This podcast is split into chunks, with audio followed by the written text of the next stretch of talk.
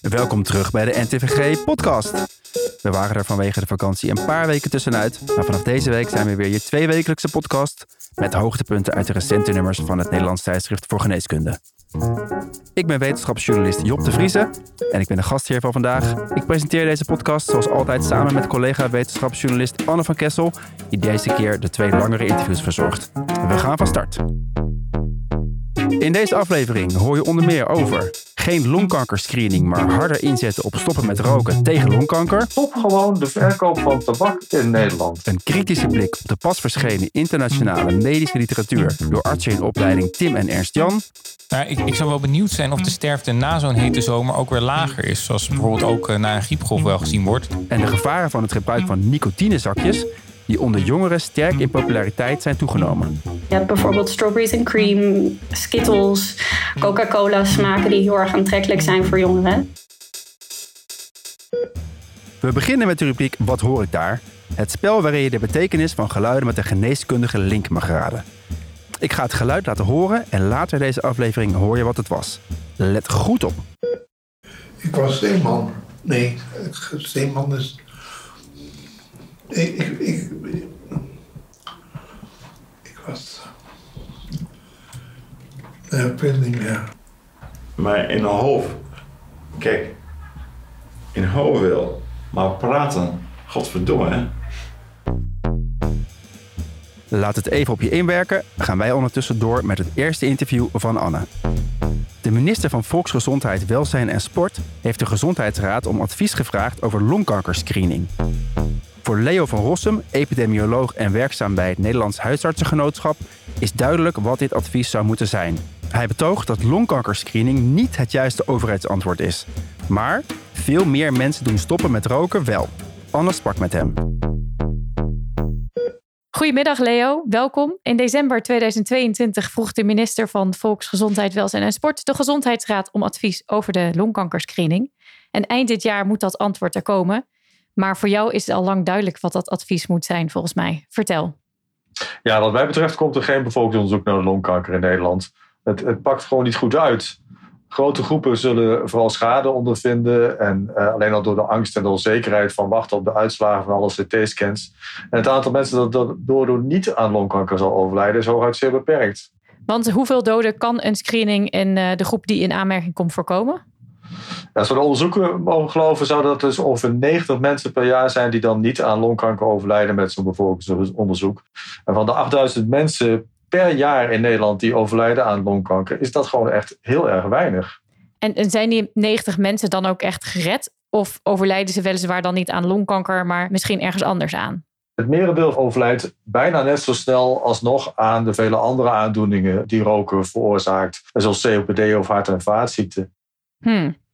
En, en dat is opvallend, want mei van dit jaar las ik een stuk in NRC van drie longartsen van Drapout UMC. Mhm. En zij pleiten juist voor een onmiddellijke start van de screening. Want zij zeggen de, de sterfte aan longkanker kan op die manier met een kwart dalen. Volgens hen was het nut van screening al lang bewezen. En volgens mij verwijzen zij naar dezelfde studies als die jij aanhaalt in je stuk. Ja, dat klopt. En ik snap ook dat die longartsen natuurlijk heel graag willen geloven dat een bevolkingsonderzoek naar longkanker wel werkt. Want zij zien die patiënten met longkanker vaak veel te laat. Ja. Uh, als je er eerder bij bent, dan is de overleving gemiddeld wel veel beter.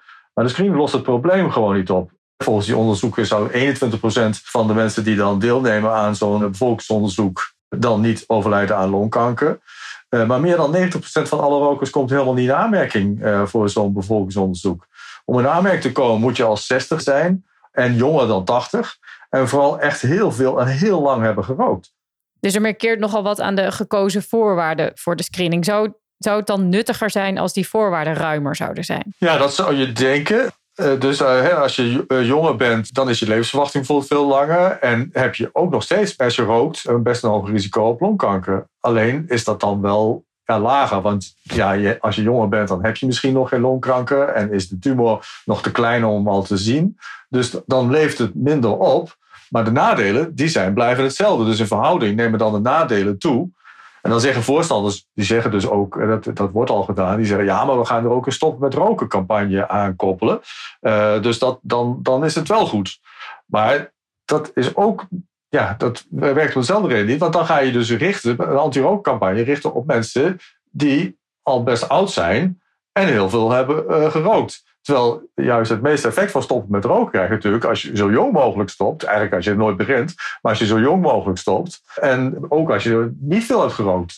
Je moet gewoon ja, je moet eigenlijk nooit beginnen. Zo simpel is het. Helder. Dus, dus zo, zo, stoppen met rookcampagne is eigenlijk net zo krom als het bevolkingsonderzoek zelf. Dat, dat, uh, daar komt het eigenlijk op neer. En, daarnaast bepleit je dat de screening de druk op de zorg ook sterk zal vergroten, schrijf je in je stuk. Ja, helaas gaan dus door al die, uh, ondanks al die strenge eisen om deel te nemen, nog steeds een heleboel CT-scans moeten worden gemaakt. En dat, nou ja, als dat, zelfs als het om de twee jaar is, gaat het nog over een paar honderdduizend CT's zomaar. En het is nu al zo moeilijk voor de radiologie om uh, een foto of een scan te laten maken in de reguliere zorg. Het gaat erom dat we de mensen gewoon niet hebben om die CT's uit te voeren. Niet eens alleen de radiologen, maar ook de radiologische laboranten, uh, alles wat er omheen komt. En dan hebben we het nog niet over de huisartsen, hè? want die krijgen alle vragen van rokers. Ja, ik, ik rook en ik heb misschien wel niet zoveel dat ik in aanmerking kom, maar ik zou toch wel ja, ook graag eh, zo'n bevolkingsonderzoek willen hebben. En waarom ik dan niet? Hoe leg je dat dan nog uit? Dat is voor, voor longkanker is dat nog veel ingewikkelder dan voor alle andere bevolkingsonderzoeken waar huisartsen ook al veel vragen over krijgen. Ja, ja, ja. En je schrijft ook in je stuk dat het eigenlijk het solidariteitsbeginsel van ons zorgsysteem nog verder onder druk zal zetten als we dit uh, invoeren.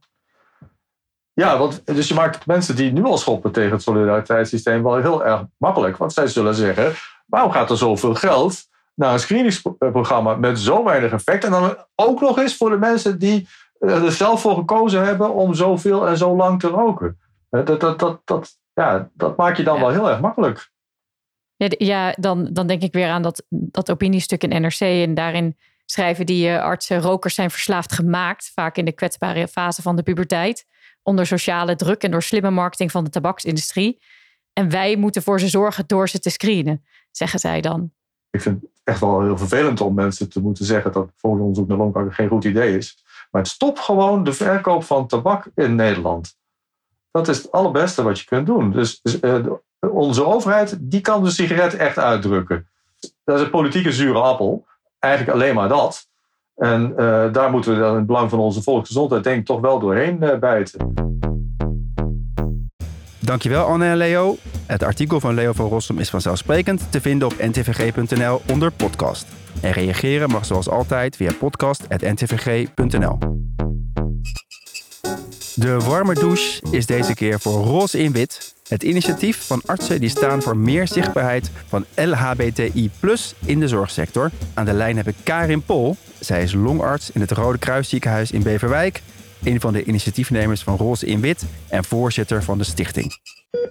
Gefeliciteerd uh, Karin met uh, de warme douche. En uh, hoe, lang, hoe lang bestaan jullie nu? Nou, het idee begon een beetje te borrelen in 2016 en in 2018 zijn we uiteindelijk opgericht. Ja. Het begon eigenlijk bij een congres in, in Amerika voor longartsen en daar waren we met een hele club. Toen kon je onder je badge op het congres kon je een, een soort plakkertje plakken en dat, daar stond dan op LGBT community en our allies.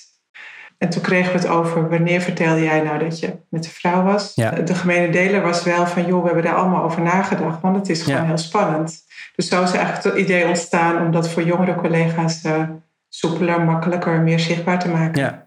Hoe was dat bij jezelf in, in het kort? Dat was niet heel vervelend, maar ik had er wel over nagedacht. Van pas als je je veilig voelt, dan ga je wat vrijer praten over uh, nou ja, hoe je weekend was. En de, dat je dan met je vriendin in plaats van een vriendin dingen hebt gedaan het weekend. Een van de reacties van een collega was wel van jeetje, oh daarom deed je zo uh, ingewikkeld. Toen dacht ik, ja, huh? Ja, ja, was dan eens weer jouw probleem. Ja, precies. En, en, en achteraf uh, dacht ik van ja, waarom doe ik nou zo moeilijk? Maar ja, wat je dan niet realiseert is dat het best een, uh, nou ja, een worsteling is geweest. En dat je echt zoekt naar wanneer ben ik veilig. Ja. Uh, en dat realiseer je niet als je niet uit de community komt. Dat, dat die veiligheid, uh, dat dat echt wel een issue is. Ja. Dus die veiligheid willen jullie meer creëren en meer algemeen maken? Op het moment dat je dat zichtbaar maakt, van joh, hier is het geen issue doordat je ergens een regenboogvlagje hebt staan. Dan kan je gewoon gelijk, nou ja, jezelf zijn als collega, als co-assistent, als patiënt, noem maar op. Dat proberen we dus over te brengen.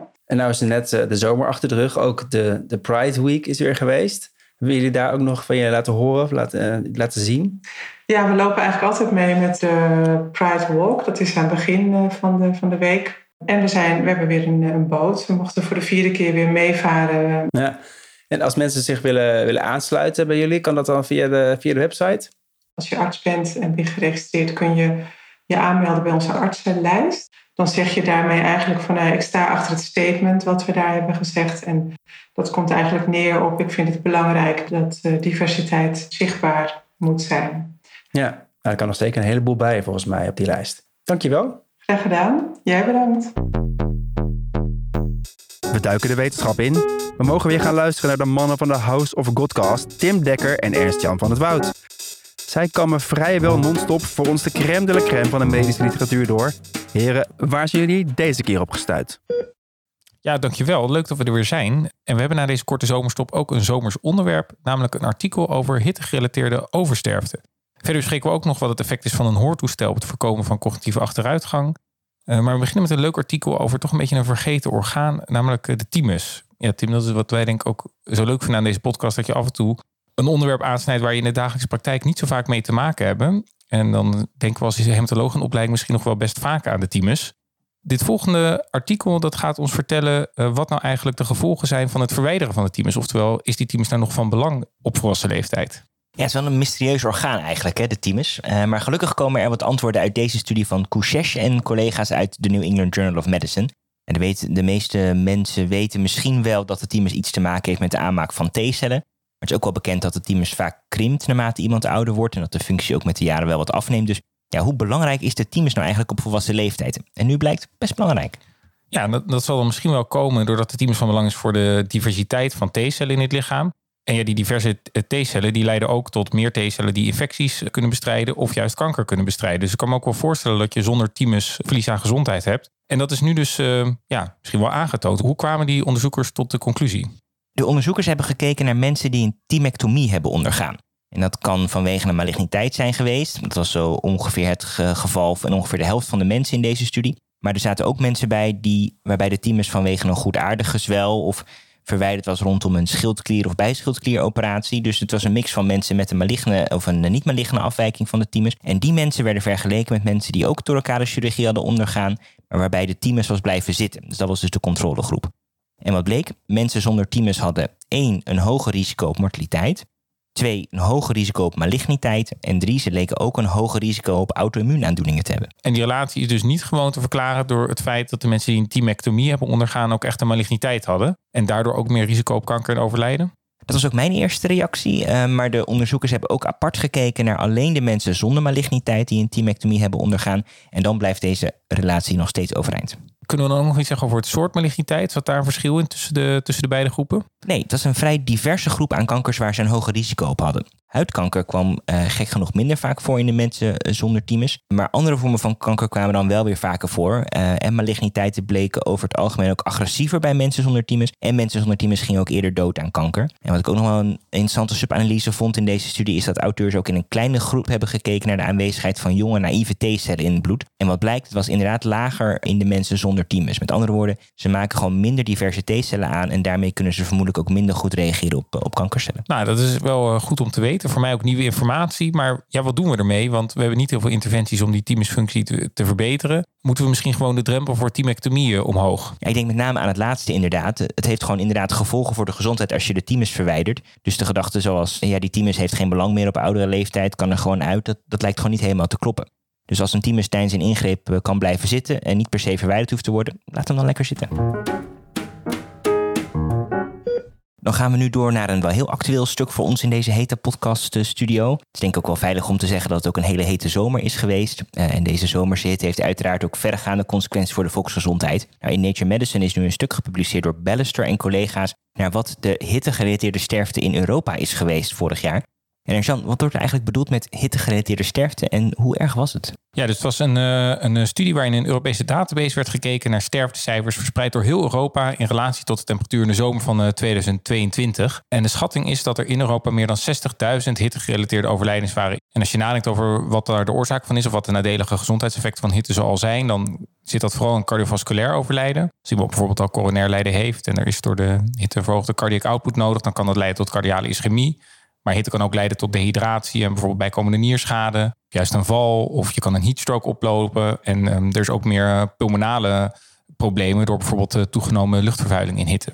Ja, dus 60.000 mensen in één zomer. Dat vind ik echt wel ontzettend veel. Zelfs op een populatie van 450 miljoen mensen. Namelijk 110 per miljoen inwoners. En ja, waren het dan vooral ouderen in Zuid-Europa die overleden? Of was dat eigenlijk ook op andere plekken toegenomen? Ja, dat zou je wel verwachten. En deels is dat ook wel waar. Ja, in Zuid-Europa waren de effecten groter. Maar ook in Nederland waren er bijvoorbeeld 27 hittegerelateerde overlijdens per miljoen inwoners. En de studie liet ook wel zien dat er een leeftijdsverdeling was. Waarbij dan ook nog een verschil per geslacht is. Zo was bij mannen het relatief risico het hoogst in de leeftijd van 0 tot 64.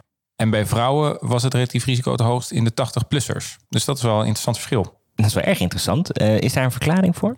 Nou ja, dat het risico bij vrouwen hoger is dan bij mannen in de 80-plussers kan misschien komen doordat in die leeftijdsgroep de vrouwen gewoon ouder zijn, zeg maar meer 90-plussers. Maar ja, dit, het is eerdere studies hebben het ook al wel laten zien. En er zijn ook wel hypotheses over bijvoorbeeld dat vrouwen, oudere vrouwen minder vermogen hebben om te zweten. Of dat er vetverdeling uh, verschil een, uh, een oorzaak kan zijn. En ook zelfs een studie die suggereerde dat oudere mannen meer ADH aan kunnen maken. Dus misschien beter vocht vast kunnen houden en dus minder last hebben van de ondervullingsgerelateerde problemen. Nou, nou, dat is eigenlijk wel interessant om dat te weten. Heb je nog iets gemist in deze studie? Nou, ik, ik zou wel benieuwd zijn of de sterfte na zo'n hete zomer ook weer lager is. Zoals bijvoorbeeld ook uh, na een griepgolf wel gezien wordt. Dat met name de allerkwetsbaarste in de samenleving dan overlijden. En dat over een heel jaar de totale sterfte misschien niet is toegenomen. En wat verder niet echt een gemis is, maar wel een, uh, een interesse. En wat de studie zelf ook wel noemt, is welke interventies kan je nou inzetten om deze hittegerelateerde mortaliteit te, verminderen. Daar schijnt nog weinig uh, goede data over te zijn. En dat wordt met het oog op de toekomst denk ik steeds relevanter. Het volgende artikel gaat over een interventie op het gebied van slechthorendheid ter preventie van cognitieve achteruitgang. Nou, dat gehoorsverlies het risico op cognitieve achteruitgang vergroot is denk ik wel bekend. Maar ik was me eigenlijk niet van bewust dat dit misschien wel de meest modificeerbare risicofactor is. Ja, je kan natuurlijk ook relatief eenvoudig wat aan doen. Um, recent is in de Lancet een artikel verschenen van Lin en collega's waarin wordt gekeken of vroegtijdig gebruik van hoortoestellen cognitieve achteruitgang voorkomt. Erjan, is dat zo? Ik denk in, in sommige patiënten wel. Het is een ongeblindeerde RCT met bijna duizend deelnemers van 70 tot 84 jaar zonder cognitieve problemen, maar met bilateraal matig ernstig gehoorverlies. En die deelnemers die werden gerandomiseerd tussen of een hoortoestel of controle met een educatieprogramma over ja, gezond ouder worden, lijkt het.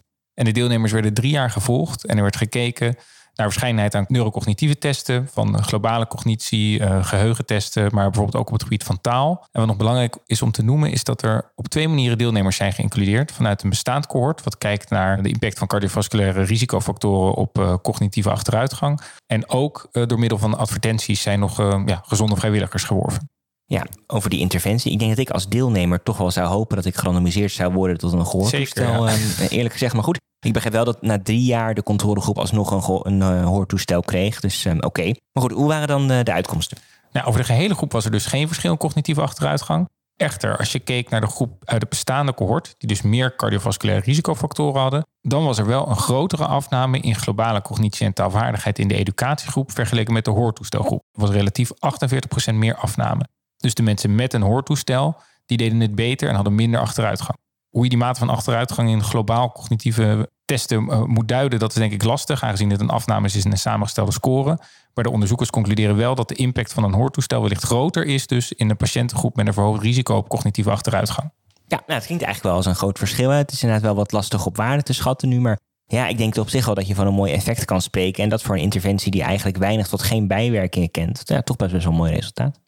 Zeker, en dus ook echt iets om uh, alert op te zijn voor de kwetsbaarste patiënten op dit gebied. Bedankt mannen, we horen over twee weken weer van jullie. Van het wetenschappelijke nieuws gaan we door naar het antwoord op de vraag: wat hoor ik daar? Het geluid dat je aan het begin van de show hoorde kwam van Raoul Kloppenborg, een neuroloog in het medisch centrum Haaglanden. Raoul houdt ons niet langer in spanning. Wat hebben we precies gehoord? Uh, jullie hebben twee patiënten gehoord met een uh, taalstoornis, een afasie. En waarom wilde je zo graag uh, twee fragmenten laten horen? Afasie, dat, dat, dat bestaat eigenlijk niet uit één ding. Hè? Dat hebben we vroeger proberen op te delen in allemaal hokjes. Ja. Maar toch wel aardig om te laten horen dat eenzelfde vorm van afasie er ook heel anders, uh, nou ja, niet uit kan zien, maar heel anders kan uh, klinken. Ja. En in het eerste fragment hoor je heel mooi dat de man die zijn beroep moet noemen eerst op het uh, woord zeeman komt. Ik was zeeman. Nee, zeeman is En hij is eigenlijk geoloog en dat is echt een typisch voorbeeld van een uh, semantische parafasie. Dus dat betekent dat hij een ja, woord invult voor wat hij wilt zeggen, wat wel in dezelfde categorie zit, namelijk in beroepen, maar niet hetzelfde betekent. En het tweede voorbeeld, de meneer die uh, aan het eind heel goed zelf kan vertellen wat er met hem aan de hand is, is zo mooi, omdat je zijn taalarmoede hoort. Maar in een hoofd, kijk, in hoofd wil, maar praten, godverdomme hè dus dat betekent dat hij geen mooie zinnen meer maakt. Mhm. Het zijn een soort kernwoorden waarmee hij wel zijn eh, punt kan maken. Ja. En, en beide zijn een voorbeeld van een, ja, een probleem in de taalproductie. Ik moest een beetje bij de laatste denken ook aan mijn eigen Spaans. Voor een patiënt met een begripstoornis, ehm, dat zijn deze patiënten dus niet, maar mensen die niet meer goed begrijpen wat er tegen hun gezegd wordt, ja, kan je dat wel een klein beetje vergelijken met iemand die in een uh, vreemd land een taal hoort die hij niet kent. Ja, dus het is wel, wel nuttig ook voor een arts om, om zich goed te kunnen voorstellen wat het, uh, wat het inhoudt voor zo iemand. Wat zijn er nog meer belangrijke dingen om bij stil te staan wanneer je zo iemand voor je krijgt? Nou, wat belangrijk is om te weten dat heel veel communicatie non-verbaal verloopt. Sommige mensen die hebben een begripstoornis. Dus die begrijpen niet goed wat er tegen hun gezegd wordt. En wat die mensen hebben is vaak dat ze nog een hele vloeiende spraak hebben, maar dat die vrij inhoudsloos is. En dan zou je zeggen dat, dat je dat vrij snel uh, door hebt. Maar het punt is dat we in een gesprek met elkaar uh, ook heel vaak luisteren naar de zinsmelodie, hoe iemand reageert op iets. en dat doen we met toon en, en allerlei andere zaken die niet zoveel met de inhoud te maken heeft. Dus soms moet je je toch ook echt van ver gewissen of patiënten je wel goed begrijpen. en dat kan je doen door het vragen van het uitvoeren van simpele opdrachten. Uh, en ook bij mensen die een uh, taalproductiestoornis hebben, Mhm. zoals de mensen uit het voorbeeld, is het altijd verstandig om wel te controleren of het begrip helemaal intact is. Ja. Want in tegenstelling tot wat er vroeger werd gedacht, ja, lopen al die varianten van afasie eigenlijk een klein beetje door elkaar. Het is vooral een proces wat gestoord is in de hersenen. Ja. En het is niet meer zo gekoppeld aan een, aan een anatomische plekken in de hersenen. Ja. Nou, helder verhaal. Dankjewel. Dank je. Heb je nou ook een geluid dat je graag wil inzenden? Stuur het naar podcast.ntvg.nl en wie weet spreken we jou binnenkort. In het tweede interview van vandaag bespreekt Anne een bijzondere casus met Janneke van Oosterhout, Annios kindergeneeskunde. Een negenjarige jongen presenteerde zich op de spoedeisende hulp vanwege misselijkheid, duizeligheid en rillingen. Hij bleek een nicotinezakje te hebben gebruikt. De populariteit van nicotinezakjes is de laatste jaren gestegen onder Nederlandse jongeren. Van Oosterhout wijst op de gevaren van deze zakjes en waar artsen op moeten letten. Fijn dat je er bent, Janneke, vanuit uh, Malawi zelfs.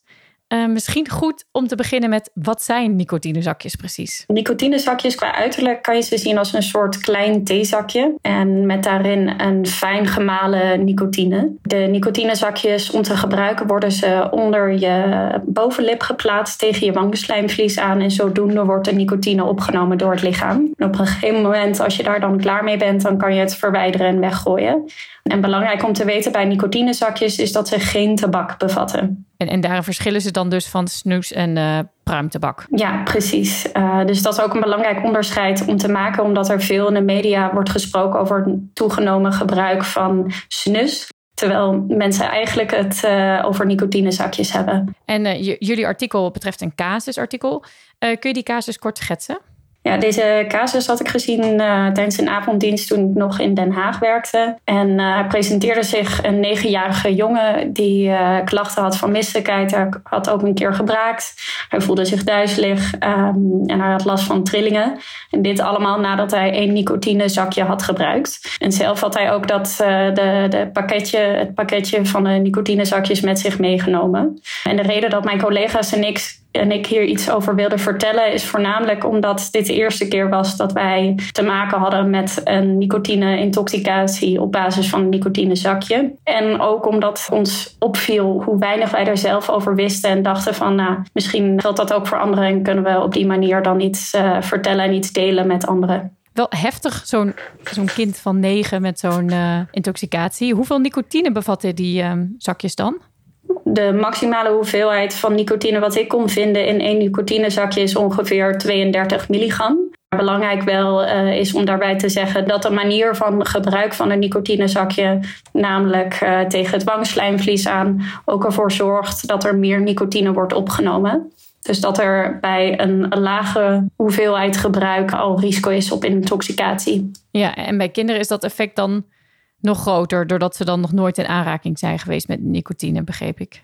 Ja, ja dat, uh, dat klopt helemaal inderdaad. En nicotinezakjes met meer dan 0,035 milligram zijn sinds een paar jaar verboden. Uh, ik vind het wel bijzonder. Hoe komt zo'n kind daar dan aan? Ja, ik vond dat ook uh, heel erg bijzonder. Um, ik las ook dat het nog uh, prima te verkrijgen is in winkels. En ze zijn ook heel aantrekkelijk voor jongeren, begreep ik, door kleurrijke verpakkingen en zoete smaken. Je hebt bijvoorbeeld strawberries and cream, Skittles, Coca-Cola smaken die heel erg aantrekkelijk zijn voor jongeren. En verder wordt het ook door veel voorbeeldfiguren gebruikt, zoals voetballers. Was het zelfs een paar weken geleden dat uh, bij een Formule 1 wedstrijd in Zandvoort dat er een advertentie was voor nicotinezakjes. Dus op, op zodoende op heel veel verschillende manieren wordt het voor jongeren best wel aantrekkelijk uh, gemaakt. En, en, leidt er dat dan ook toe dat de afgelopen jaren het uh, gebruik is toegenomen? Ja, er zijn uh, veel aanwijzingen inderdaad voor toegenomen gebruik onder jongeren. In 2020 was er een uh, studie opgezet door een Nederlandse groep waarbij ze keken naar onder andere kinderen tussen de 13 en 17 jaar en of zij ooit uh, gebruik hadden gemaakt van nicotinezakjes. Um, en deze percentage was best wel laag, 0,3 procent ongeveer.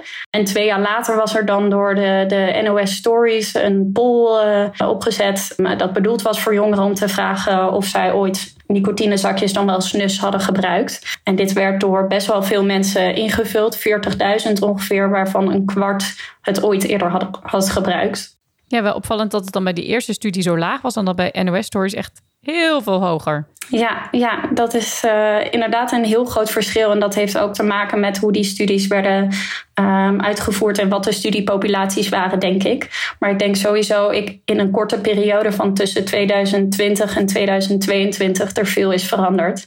Ja, hey, en je zei van we, we, we hebben dit stuk geschreven omdat we er zelf eigenlijk nog niet te veel van wisten van die nicotinezakjes.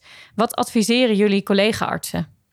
Um, nou, wat ik in ieder geval adviseer uh, is om te verdiepen in wat nicotinezakjes en ook wat snus nou daadwerkelijk is. En verder te verdiepen in wat de korte, maar ook wat de lange termijn gevolgen van gebruik zijn voor jongeren. Dankjewel, Janneke. Dankjewel, Anne en Janneke. Wil je meer weten over dit onderwerp? Lees dan het artikel op onze website. Op naar het laatste onderdeel van de show, de tip van de redactie komt wederom van onze oren en ogen op de redactievloer. Rosie Sikkel, basisarts en nieuwsredacteur bij het NTVG. Welkom. Dankjewel. Wat heb je deze keer meegenomen? Ja, Job, we moeten het hebben over de GLP-1-agonisten. Oh. De Ozempic, de Wegovy, de Saxenda. Die merknamen die zijn ineens ontzettend populair. En wat doen ze? Ja, dat zijn middelen die zijn oorspronkelijk bedoeld voor mensen met diabetes, maar zijn inmiddels ook ontzettend populair als afslankmedicijn. Wat doet het? Ja, het zijn dus uh, GLP-1-agonisten, glucagon-like peptide-agonisten. en die werken dus, die hebben dus een werkingsmechanisme op de glucosehuishouding. En zodoende ja, werden ze initieel uh, voornamelijk voorgeschreven aan uh, patiënten met diabetes. Maar wat ze ook doen, is dat ze de maaglediging vertragen en zo dus ja, zorgen voor een verzadigd gevoel. Ja. Waardoor mensen minder gaan eten en daar echt ontzettend veel mee afvallen. Ja, en dat geldt dus voor heel veel mensen. Ja, dus in potentie. ja, ja, dus uh, in Amerika wordt het al langer voorgeschreven aan mensen met overgewicht. Ook uh, ja, de, de gewone man met een buikje, zeg maar, mm -hmm. uh, kan ook in aanmerking komen voor, voor dit middel. Ja. Dus echt ontzettend populair. Er wordt heel veel reclame voor gemaakt in Amerika. Je ziet het overal, tv, in de bladen, kranten. Je ziet het in de metrostations. Ja, het stuk opent ook met een beroemdheid die ermee te koop loopt, hè? Ja, dus Elon Musk, die is ook helemaal fan van de, de Wegovy. Het wordt door allerlei celebrities uh, aangeprezen. Queen Latifah uh, wordt, uh, wordt ingezet door de farmaceutische industrie. Dus ja, booming. En dat is daar, maar dat waait ook over naar hier. Ja, ook hier zijn nu die middelen verkrijgbaar voor mensen met ja, ernstig overgewicht. De gewone man of vrouw ja, kan er nog niet zo heel makkelijk aankomen. We zien wel dat het dus gebruikt wordt. Um, ja, mensen die, die kunnen dat dus online bestellen stiekem. En dat zie je dus ook wel terug dat mensen dat doen. het is gewoon echt ontzettend populair. Ja, we hebben twee stukken hè, over dit. Ja, er zijn twee stukken van, van mijn collega Lara Harmans van de nieuwsredactie. Zij heeft dus enerzijds een, ja, een, dus een hele mooie analyse gemaakt over ja, hoe die transformatie eigenlijk is ontstaan van ja, middel voor diabetes naar populair afslankmiddel. Nou ja, is echt een strakke analyse. En daarnaast heeft het NTVG gesproken met vier experts die ja, dan met elkaar in discussie gaan over hoe moeten we dit nou waarderen. Het zijn natuurlijk geen middelen die helemaal zonder risico's zijn. Er zijn natuurlijk wel best wel wat uh, ook ernstige bijwerkingen beschreven. Dus dat moet je wel in je achterhoofd blijven houden. Die zijn ook allemaal uitgebreid in dat stuk, hè? De, mogelijke de bijwerkingen die kunnen voorkomen. Ja. Maar het voelt ook een beetje als een soort paardenmiddel om, om, om de omgeving die we hebben gecreëerd, om daar een beetje wat tegen in te brengen. Idealiter ja. zou je natuurlijk de omgeving veranderen, maar dat zien we niet zo gauw gebeuren. Ja, de keer op keer zie je weer terugkomen. Het is ontzettend moeilijk om mensen ja, structureel te laten sporten en, en aan een dieet te laten houden. Het, het lukt gewoon niet. Ja. En dit middel, ja, dit helpt dan wel. Nou, zeker verplichte kost volgens mij. Dankjewel. Jij bedankt. Hiermee zijn we aan het einde gekomen van deze aflevering. We zitten meteen weer in het ritme, dus over twee weken zijn we er weer. Dan zit in deze stoel mijn collega Anne van Kessel. Heb je een vraag of een suggestie voor een van onze rubrieken? Laat het ons weten via podcast.ntvg.nl. En waardeer je onze podcast? Stuur ons dan door naar al je collega's en volg ons op je favoriete podcastkanaal. En laat vooral ook een review achter door een aantal sterren te geven want zo help je ons om de beste en best beluisterde medische podcast van Nederland te worden. Voor nu een heel fijne dag gewenst en tot de volgende aflevering. Een goede arts is een goede luisteraar, dus blijf vooral luisteren. Dit is een podcast van de NTVG-redactie in samenwerking met mij, Job de Vriese, Anne van Kessel, Tim Dekker, Ernst-Jan van het Woud en audiocollectief Visionair Ordinaire.